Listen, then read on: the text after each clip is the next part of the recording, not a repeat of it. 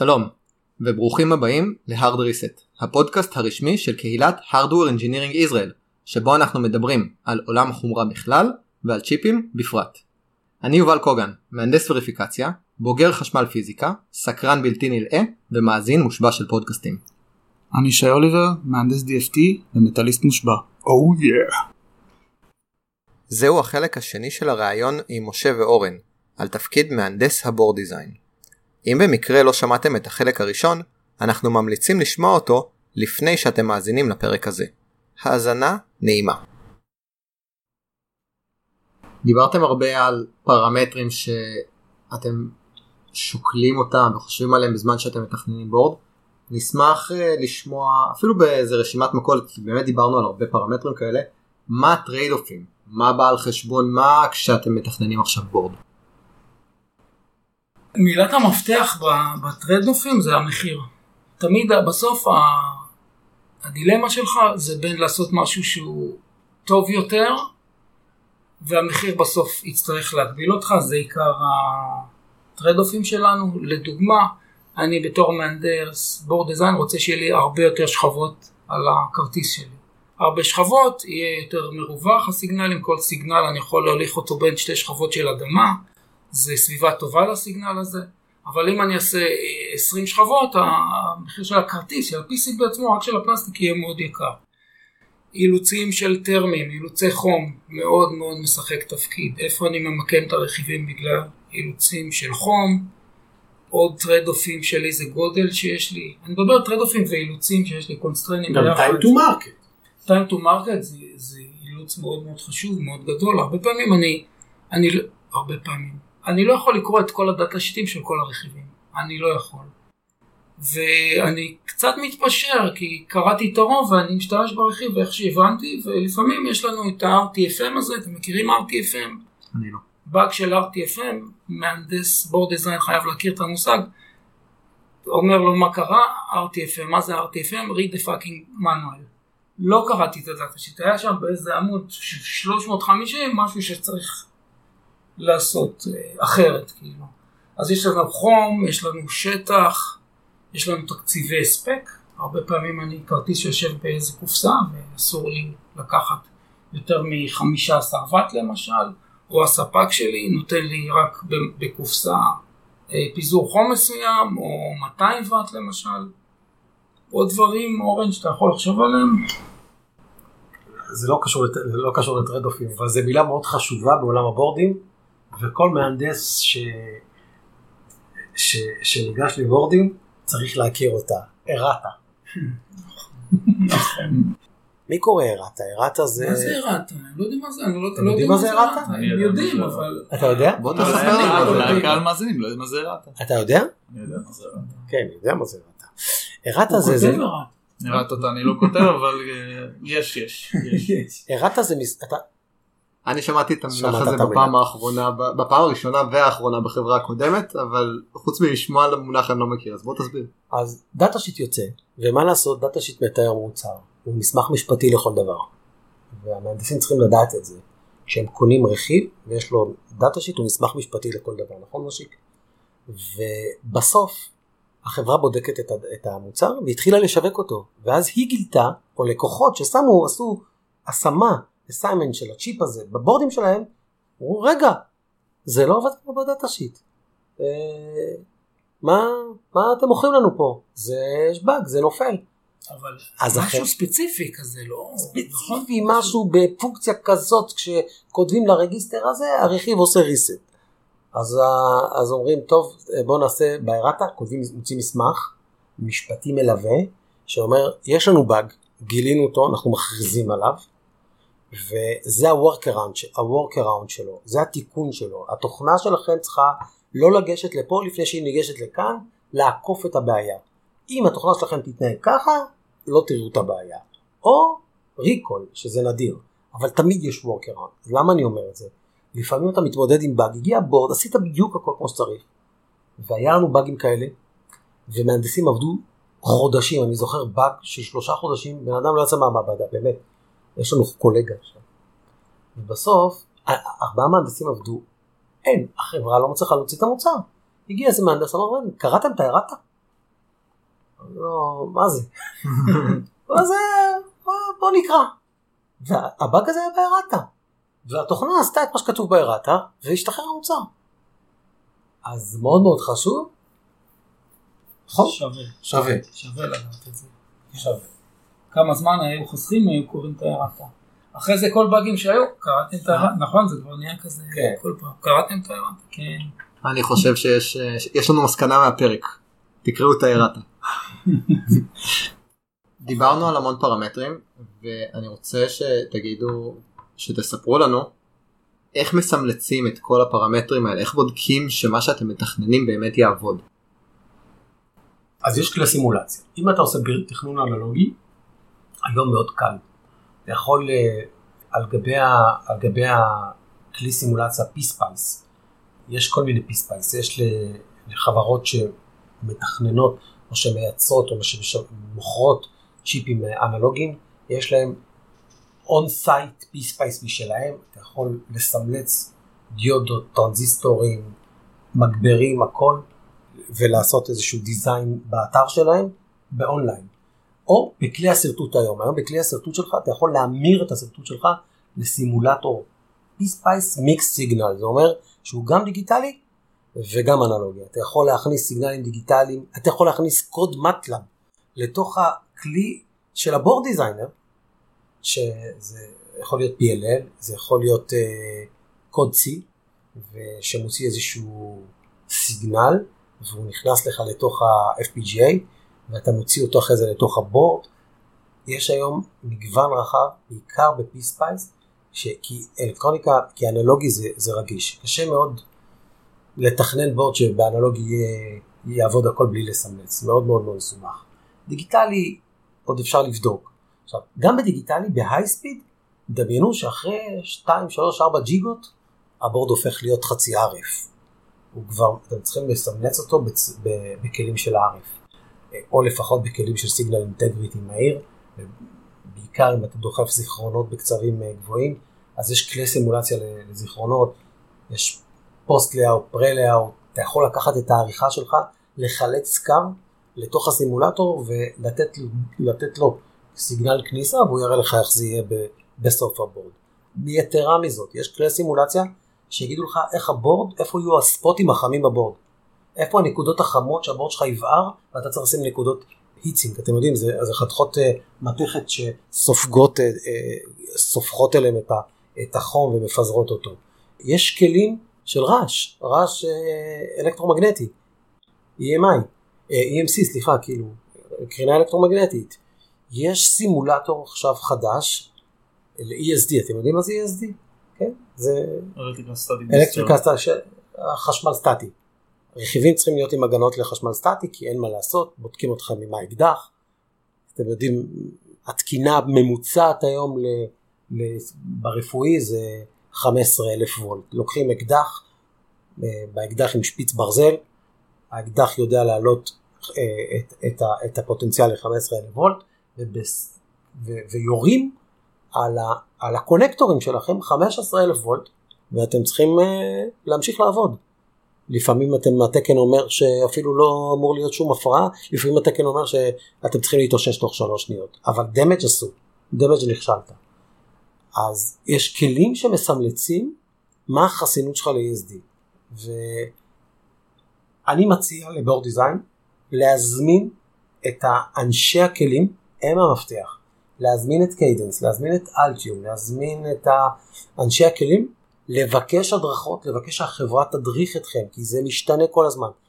ת, ת, ת, תעדכן אתכם מה יוצא חדש, איך משתמשים בסימולטורים האלה, ולהתנסות בזה. ככל שנכון אין זמן, לא תמיד יש זמן, אבל מספיק שסימלצת 15%, 20% זה ירגיע אותך, אתה תדע שאתה אה, כיסית, יש חברות שלא מתפשרות. בקורסים שעשיתי עם, עם Applied Materials הם מסמלצים כמעט הכל. דיברנו על הרבה מאוד גורמים שאתם מדברים איתם. דיברנו על אנשי השיווק, דיברנו על אנשי הסיסטם, על החברות שמספקות לכם את הרכיבים, על האיש לייאאוט ויש לכם הרבה מאוד ממשקים. אז קודם כל אני אשמח אם תתארו את הממשקים שהזכרתי ולא הזכרתי ודיברנו עליהם וגם אם לא הזכרתי אני אשמח אם uh, תספרו עליהם. אז uh, ברגע שגמרנו, אוקיי, עוד לפני שגמרתי את השרטוט, יש לי את הממשק עם הרכש, כמה שיותר מהר אני פונה לרכש, תזמין לי את הרכיבים שאני יודע שיהיו. אפילו שעוד אין לי תכנון, עוד, יש לי בלוקים, לגמרי בלוקים, אין לי עוד סכמה, אז זה ממשק רכש, זה ממשק פנימי בדרך כלל. אחרי שגמרתי עם הסכמה, יש לי את העורך מעגלים. יכול להיות בחברה שלי, בחברות גדולות יחזיקו אולי עורך אחד או שניים או כמה עורכים. לרוב זה בחברה חיצונית, אז זה ממש התממשקות מול העורך, ואורן כבר הזכיר את זה, אתה לאט לאט גם נקשר אל עורך מסוים ואוהב לעבוד עם עורך או עורכת מסוימים, מרגיש שיש כימיה וזה עובד יותר טוב. אה, אחרי זה יש לנו ממשק עם היצרן של ה-PCB, שזה בעבר היינו עושים הרבה בארץ, היום כבר מוציאים את זה הרבה למזרח. אצלנו יש מחלקת ההנדסה שהיא בעצם בקשר עם היצרן PCB. אצל יצרן PCB אמרתי, שלב ראשון אני מאשר היתכנות של מבנה השכבות והגודל של הכרטיס שלי, יש עוד כל מיני אלמנטים של אה, קידוחים שהוא יכול לעשות ודברים שיותר קשורים להנדסה ולאפשרות לייצר את הכרטיס, אבל זה עוד גורם, זה עוד חברה שמייצרת את ה-PCB. ויש את הממשק של החברה אחרי שיש לנו את ה-PCB, כאמור אה, שולחים את ה-PCB לחברה של ההרכבה וגם איתה יש לנו ממשק, אה, כל מיני תיאומים איזה חומרים לשים ואיך לצפות ואיזה סולדר מאסק, איזה כיסוי לשים על, ה, ה-PCB. אה, אם יש קידוחים מיוחדים, יש חורים מכונים מיוחדים, ציפויים מיוחדים לחורי מעבר. חורי מעבר זה ה-Vיות בשפה המקצועית, זה מה שמעביר סיגנל משכבה לשכבה בעצם.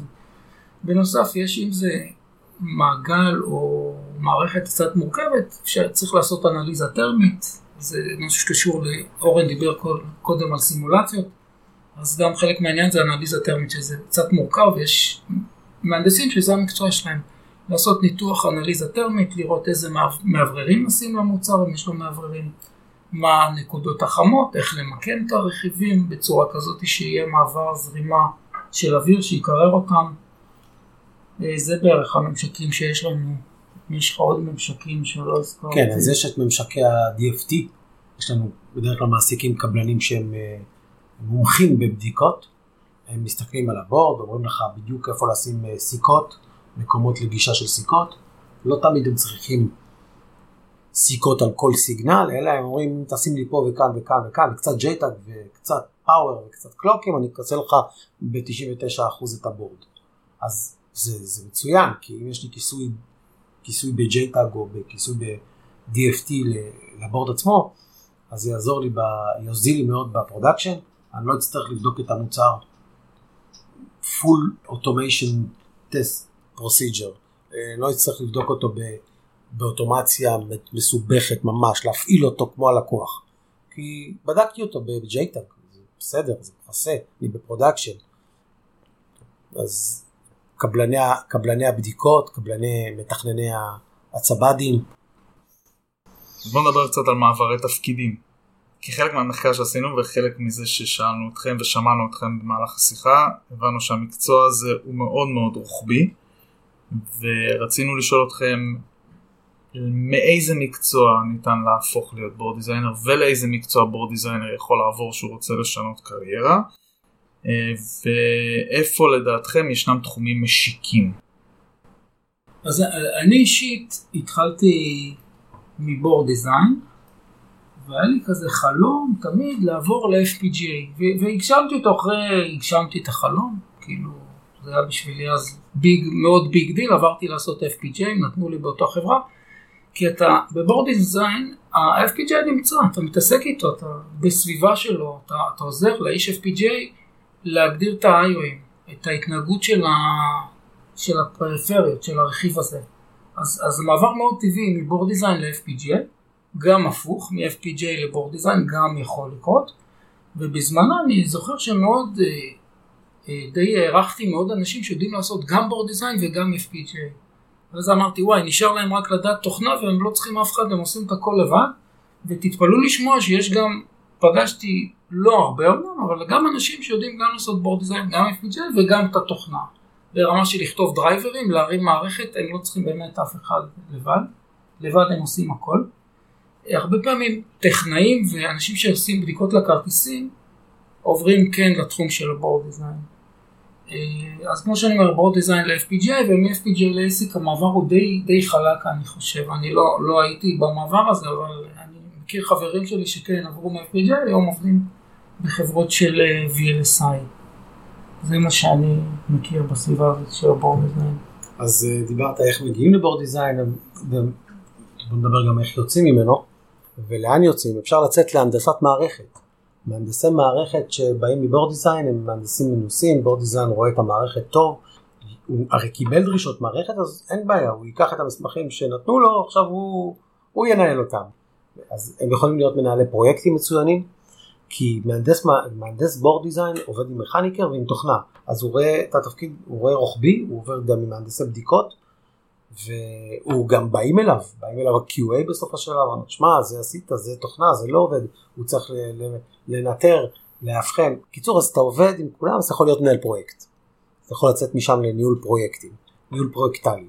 אני אישית עברתי ל tech leader, איזה מהנדס ראשי, אני principal engineer בחברה, אני המהנדס הראשי של אה, אה, סביבה מסוימת, מוביל טכני, זה אומר שאני מסתכל על, על כל המוצר.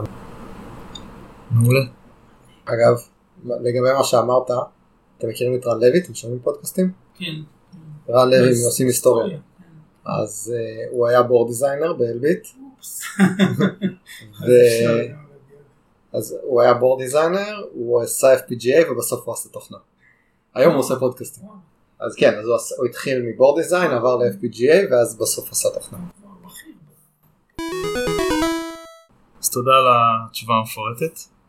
רצינו לשאול, ביחס קצת גם לשאלה הקודמת, בן אדם שרוצה להתחיל את הדרך המקצועית שלו כבורד דיזיינר, כי הוא שמע את הפודקאסט הזה ונגעתם לו ללב וממש אהבתם אותו על המקצוע.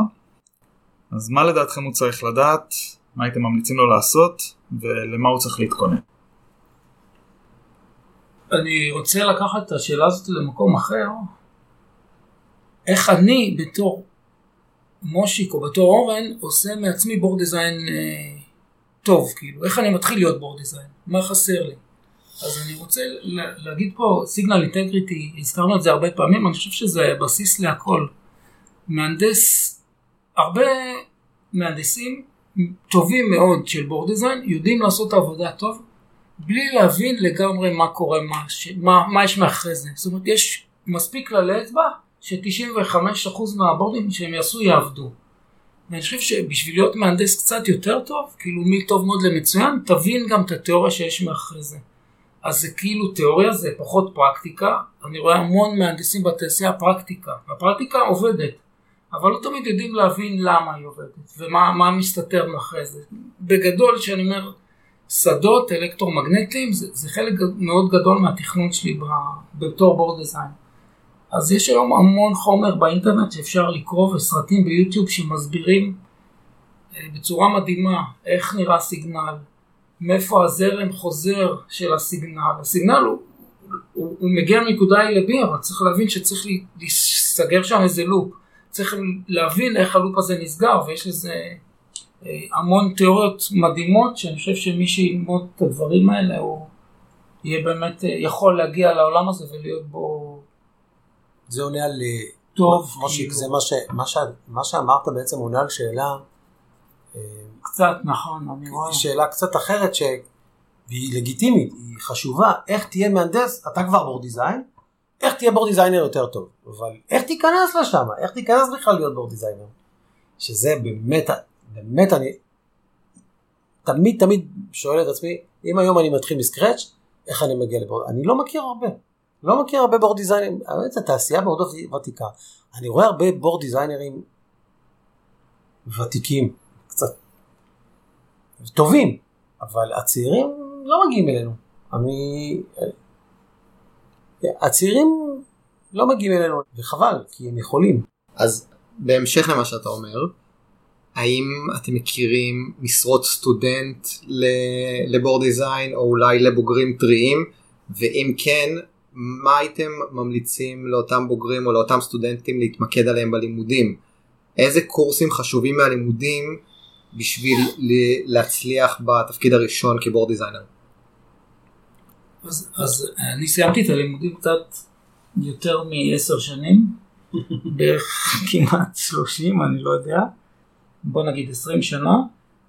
דווקא הקורסים הקשים של שדות וגלים וקרניים, הקורסים האלה הם כן מאוד חשובים. אני עוד יותר העמקתי את הידע שלי שהתחלתי ללמד על זה, אז, אז כן הבנתי כמה זה קשור וכמה זה חשוב להבין את התיאוריה שמעבר לפרקטיקה.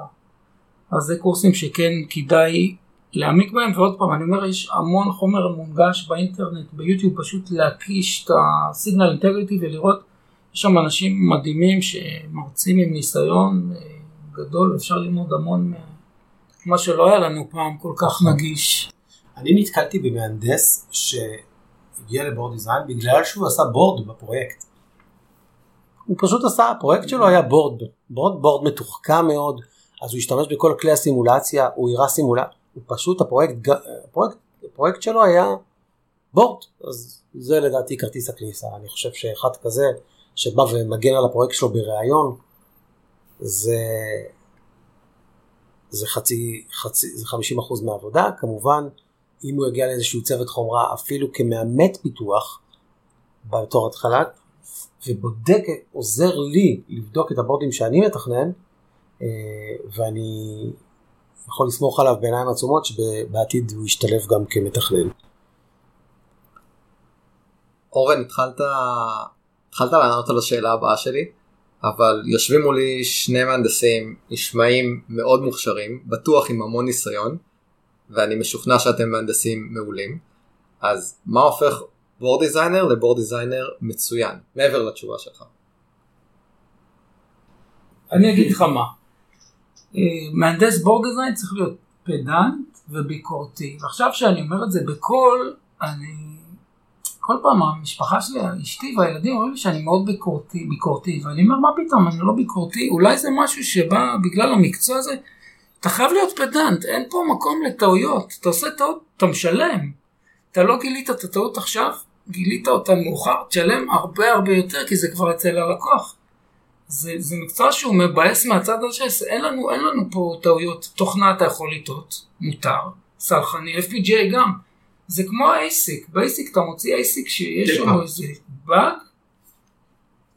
קצת לא נעים. אז, אז אולי בגלל זה, אז, אז כן צריך להיות ביקורתי מאוד ופדנט, להיות מאוד, מס... אני לא כזה מסודר, אבל הייתי רוצה לחשוב שכן. ועוד משהו ש... אה, שכן, אני חושב שאני כן רץ עם זה, אני, מבחינתי לכל דבר יש פתרון. כל בעיה שיש לנו, אני יכול לפתור אותה, ככה אני חושב, זה לא שאני איזה גאון נדור, אבל אומר, תן לי מספיק זמן ואני אמצא לך את הפתרון. וזו תכונה, כי אני פוגש הרבה מהנדסים שאומרים לי, וזה שמישהו בא אליי ואני אומר לו צריך לעשות משהו, הוא אומר לי אי אפשר, אני, אני לא מוכן לקבל את התשובה אי אפשר, זה מזעזע אותי, כאילו אני, אני אומר, מה אתה לא יודע שאתה לא יכול להגיד לי אי אפשר? תגיד לי את זה בצורה אחרת, אין אי אפשר. ואני חושב שאם יש לך את ה... זה סוג של נחישות, שאתה יודע שאתה הכל פתיר, אתה תהיה מהנדס טוב, וביחד עם זה להבין שמותר לך לטעות גם, מאוד מאוד חשוב, שמותר לעשות טעויות וזה בסדר. בוא לא ניסחף עם המשפט הזה, אבל, אבל חייב לטעות בשביל זה. וברגע שאתה יודע את זה והבוס שלך גם יגבה אותך, שאתה מותר לך לטעות, אני חושב שתגיע רחוק בתחום הזה. יש לי שאלה בהפתעה. השווית קצת את ה board design ל-ASIC לפיתוח uh, של VLSI וב-VLSI במקביל לדיזיינרים יש וריפיקטורים שבודקים שה design עובד כמו שצריך עוד לפני שיוצאים ל tape out. האם יש משהו מקביל בעולם ה board design? כן. אורן הזכיר את ה... כן, יש לנו צוות, יש לנו צוות design QA זה נקרא.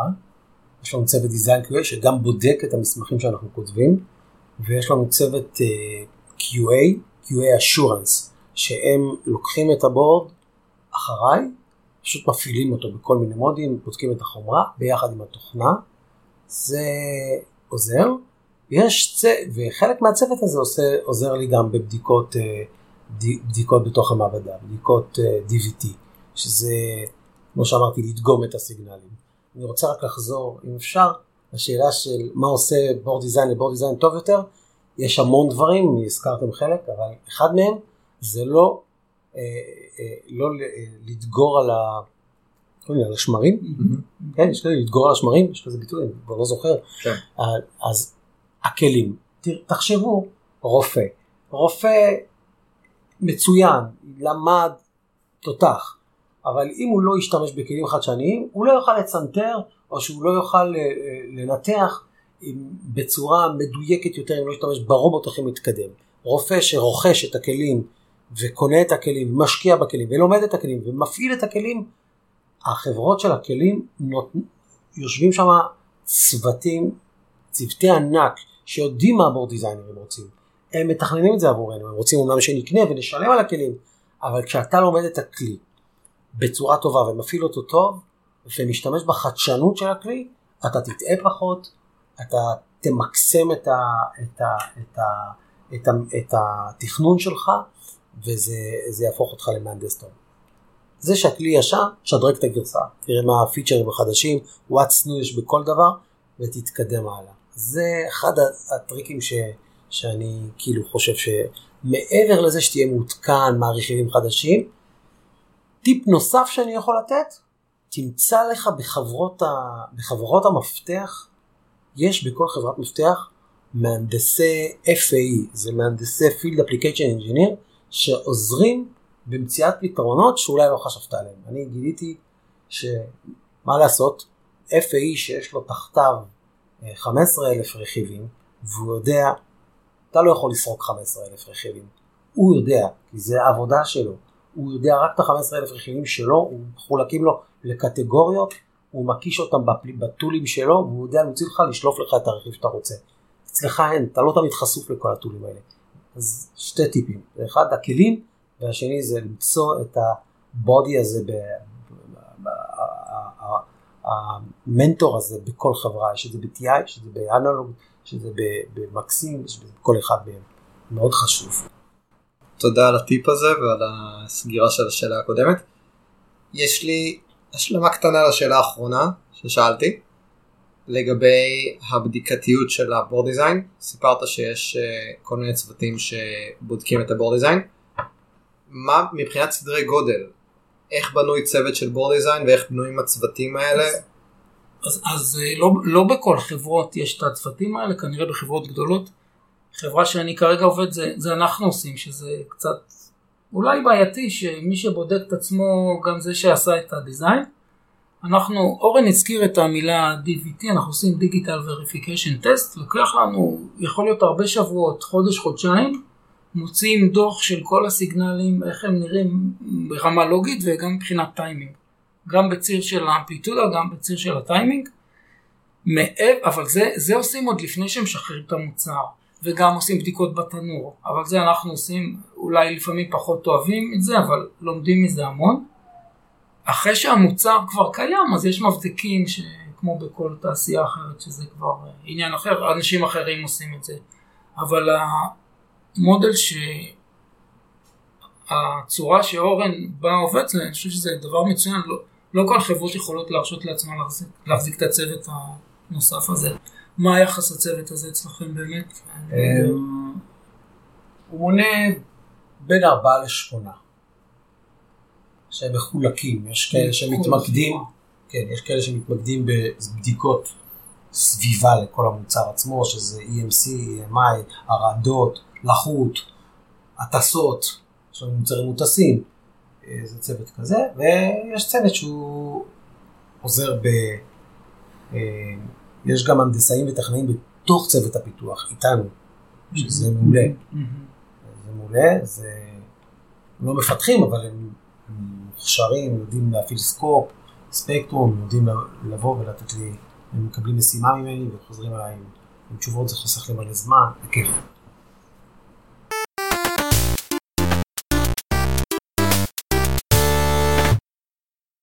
אז חבר'ה, תודה רבה על זמנכם היקר, ועל אה, רעיון ודו שיח אה, מדהים ומרתק. אה, אנחנו ממש מודים לכם. בכיף.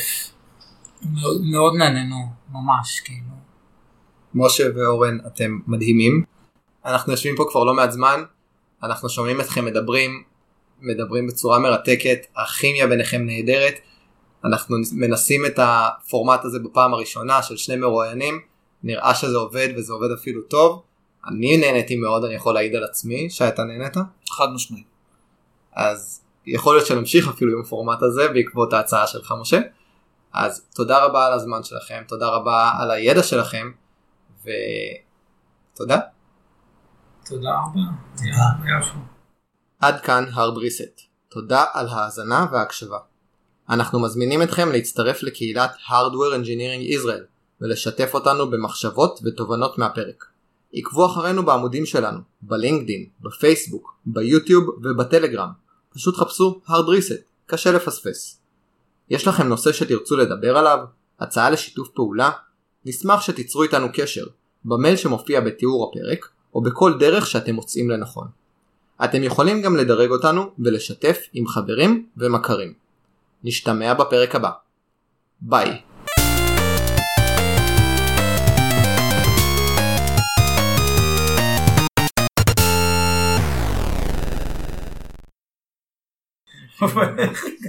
לא יודע למה זה השעה, זה השעה.